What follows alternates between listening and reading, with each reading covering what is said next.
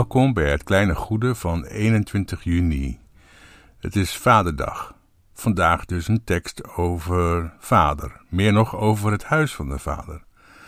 Het eerste lied was lied 997 uit het nieuwe liedboek voor de kerken.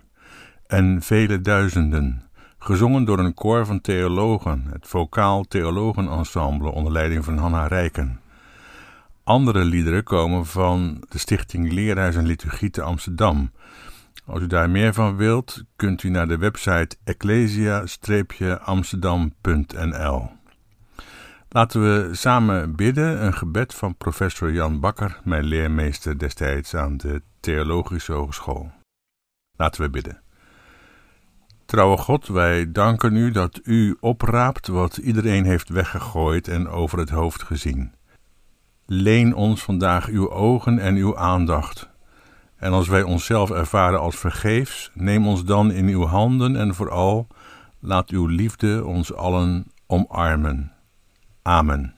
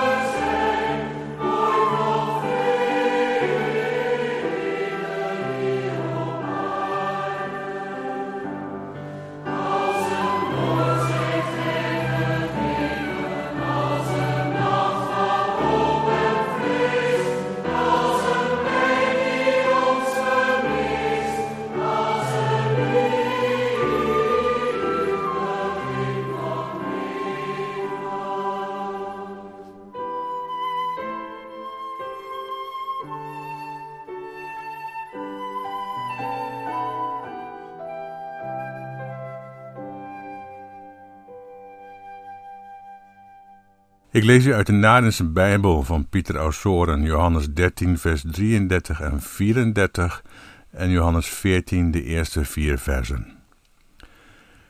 Kinderen, nog maar kort ben ik bij u, ge zult me zoeken, en zoals ik tot de Judeërs heb gezegd, waar ik heen ga, kunt u onmogelijk komen, zeg ik dat thans ook tot u. Een nieuw gebod geef ik u, dat ge elkander lief hebt. En hoofdstuk 14 Laat uw hart niet geschokt zijn, vertrouwd op God en vertrouwd ook op mij. In het huis van mijn vader zijn vele verblijven. Maar als het niet zo was, zou ik u dan zeggen: Ik ga vooruit om u een plaats te bereiden? Als ik vooruit gegaan ben en u een plaats hebt bereid, kom ik weer en zal u bij mij opnemen, opdat daar waar ik ben ook gij zijt. En waar ik heen ga, daarheen weet ge de weg. In het huis mijns vaders, waar zou dat zijn? Predikanten noemen de kerk waarin zij prediken ook wel eens Gods huis. Een akelig misverstand, denk ik. Het huis mijns vaders, als dat niet de kerk is, en zeker niet de kerk zoals onze protestantse kerk, die, die dit weekend iets heeft bedacht waar ik de rillingen van krijg. Het altaar in de kerk en ook een tweede altaar buiten die kerk in de samenleving, want de kerk wil weer wat gaan voorstellen in de wereld. Maar in de wereld stel je alleen wat voor als degenen die in de wereld iets voorstellen zich daarbij wat willen voorstellen. Het huis mijn vaders, als dat niet de kerk is, wat dan? In het huis des vaders zijn vele woningen. Wij denken misschien aan iets heel anders nog, aan een plek buiten deze aarde, buiten deze dampkring, ver weg van het gewoel en ook ver van ons gevoel, waar de tranen, die alleen maar weten te vallen, niet naartoe weten op te stijgen. Maar wat is dat voor een huis waar niet geweten wordt van verdriet en pijn? Hoe kan een mens dankbaar zijn voor het licht als hij geen weet meer heeft van het duister? Hoe kan een mens zich gehoord en gekend en bemind weten als hij geen notie meer heeft van grenzen, vooroordelen en hoge muren? Hoe kan een mens gelukkig zijn in een huis als hij de kunst van het ongelukkig zijn niet meer leren kan? Wat voor verlangen bestaat er voor een mens die aan zichzelf genoeg heeft, nog naar mededeelzaamheid en barmhartigheid? Ons religieuze verlangen naar een eeuwig zoet na het zuur van deze aarde is zo begrijpelijk en zit ons zo in het bloed, en misschien zelfs wel in onze bodem, dat we ons daar maar moeilijk van los kunnen denken en al helemaal niet los van kunnen maken zonder hulp van de Messias. Want het is de kunst om Jezus niet ons verlangen te laten bijvallen, maar omgekeerd dat wij ons in Zijn missie en passie, hartstocht en liefde laten inpassen en invoegen. Dat Hij niet naar ons pijpen danst, maar wij Zijn woord verstaan. In Johannes heeft Jezus al eerder gezegd: Maak het huis mijns vaders niet tot een verkoophuis.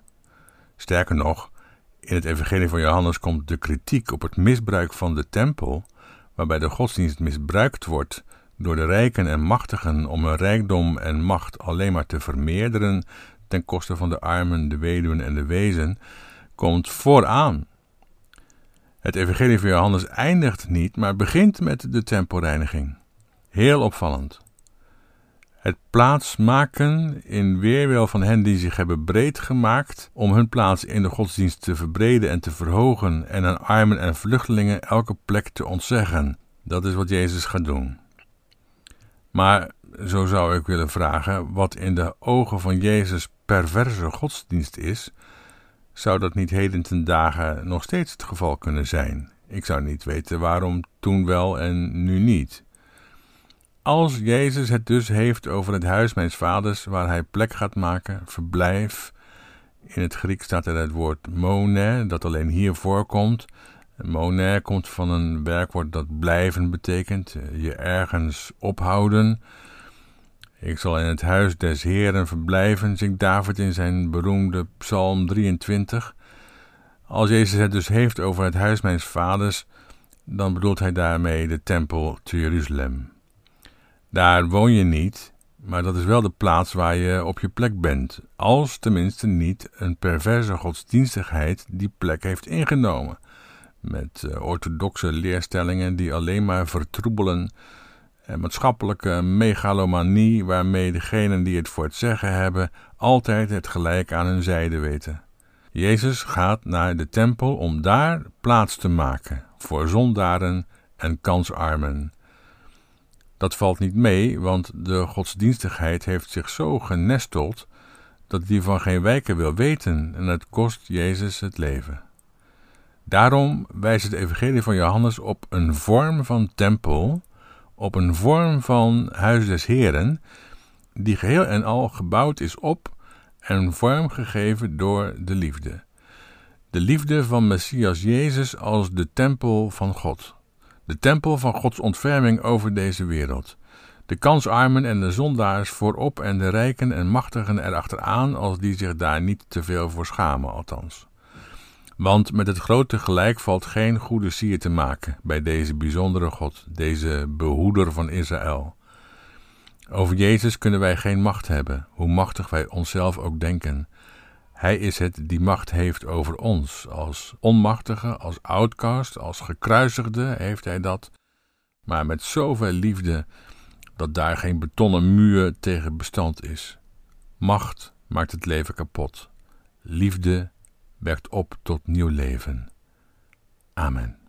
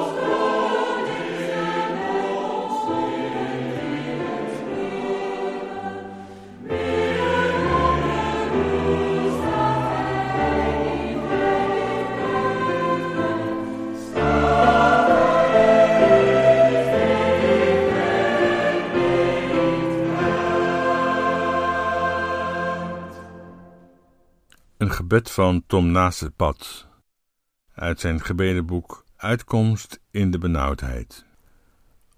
O God, gij zijt goed voor ons en gij begunstigt ons, niet omdat wij dat verdiend hebben, maar omdat gij dat hebt besloten. Eerder zijn wij uw vijanden, ondankbare gunstelingen die het uitzicht op uw goedheid onder de mensen vertroebelen. Wij beleiden dat en we bidden u, verlos ons van die kramp van het gelijk aan onze zijde en laat ons liever aan anderen denken, mensen zoals wij, die op uw goedheid wachten. Heer, ontferm u. Ontferm u over de mensen die in gevangenissen zijn opgesloten, mensen zoals wij, maar terzijde gesteld, weggeborgen, zonder huisgenoten, zonder vrijheid, versuft, verbitterd, met minimale kansen voor later. Heer, ontferm u. Ontferm u over de mensen in ziekenhuizen en inrichtingen, mensen zoals wij, maar ze kunnen niet mee, ze hebben pijn, hun lichaam wankelt, hun ziel is verdwaald. Heer, ontferm u. Ontferm u over hen die gehaat worden en ontweken of gezocht om hen kwaad te doen. Mensen zoals wij, maar anders dan wij. Ze komen ongelegen, omdat ze beter zijn of hinderlijk of helderziend.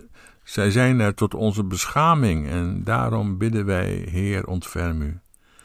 Ontferm u over de mensen die wij niet bij name kennen, maar die van tijd tot tijd van hun bestaan te kennen geven, de schare, de massa, het volk, mensen zoals wij. Maar wie zal hen leiden en hen van uw goedheid doen weten? Heer, ontferm u. Ontferm u over onze overheden, mensen zoals wij, die onze verborgen zonden weerspiegelen. Heer, ontferm u. Ontferm u over onze kinderen, mensen zoals wij, die geen verweer hebben tegen hun geboorte, maar aan wie gij ieder zijn bestemming geeft. Heer, ontferm u. En ontferm u ook over ons, mensen zoals zij, dat wij u steeds beter zullen leren kennen en hartelijk beminnen. Amen.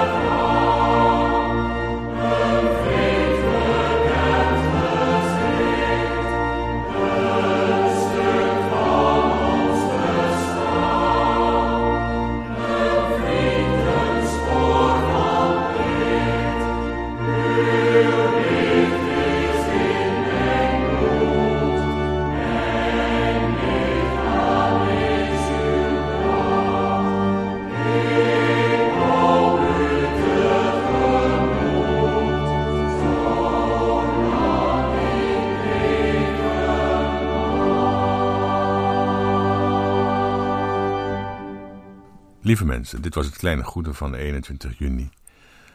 Tot volgende week, dan zijn we weer bij elkaar om vijf uur. Ga deze week in met moed en een hart onder de riem. Laat u niet kisten, hou het hoofd omhoog. En weet u in Gods liefdevolle handen.